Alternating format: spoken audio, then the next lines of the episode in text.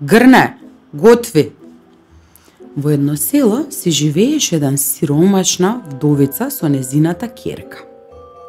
Тие живееа во стара куќа покриена со распаднат сламен покрив и се чуваа неколку кокошки. Во зима, мајката одеше во шумата да собира гранки, на пролет собираше јаготки, а на есен од нивите собираше класија и ги врзуваше во снопчиња. Кирка и во градот ги продаваше јајцата што ги несеа кокошките. Едно лето, мајката се разболя и девојчето мораше само да оди во шумата да собира јаготки. Со себе понесе еден сад и парче црн леп. Кога го наполни садот со јаготки, речи си до половина, отиде до изворот, од скутнината го извади парчето леп и седна да руча. Ненадено, покрај девојчето се појави една бабичка со грне во рацете. Ох, златната на баба, рече бабичката. Многу сум гладна.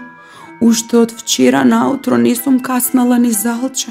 Те молам, дај ми малку од твоето лепче.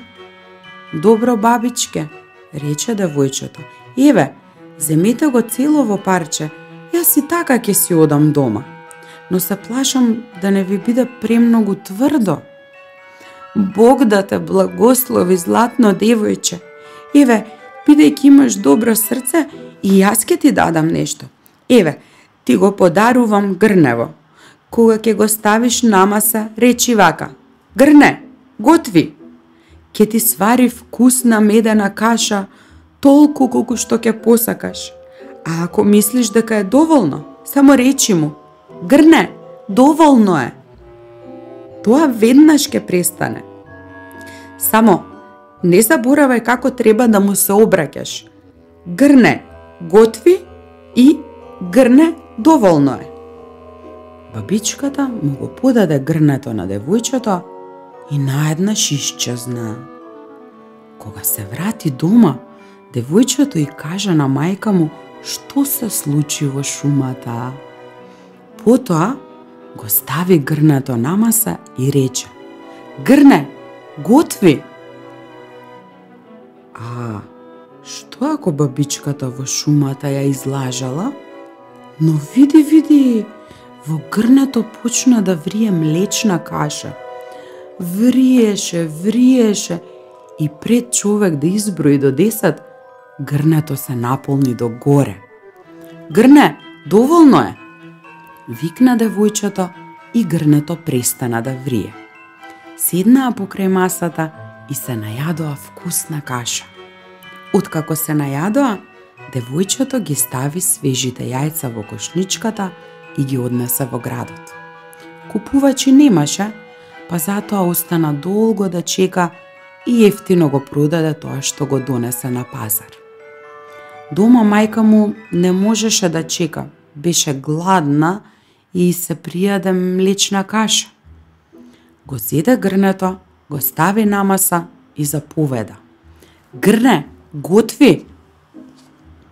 Кашата почна да врие и мајка му не успеа ни да се сврти а грнето беше веќе полно. Уште чаша и лажица да донесам, рече мајка му и отиде да земе. Леле кога се врати, кашата беше претечена на масата, од масата на столовите, а од столовите на подот. Но, мајката заборави што треба да каже за да престане вриењето. Скокна кон масата и грнето го покри со чинија, но чинијата падна на подот и се скрши. А кашата вриеше, вриеше и течеше по подот. Куќата се наполни со каша и мајката побегна во предсобието, си ги кршеше прстите и лелекаш. Ова моја несрекно дете, што ли донесе? Веднаш знаев дека од ова ништо добро нема да излезе. Кашата веќе се преливаше преку прагот и го полнеше пред собието, се полнеше се повеќе, а мајката не знаеше што треба да направи. Таа по скалите се искачи на таванот и си лелекаше што донесло дома незиното несреќно девојче.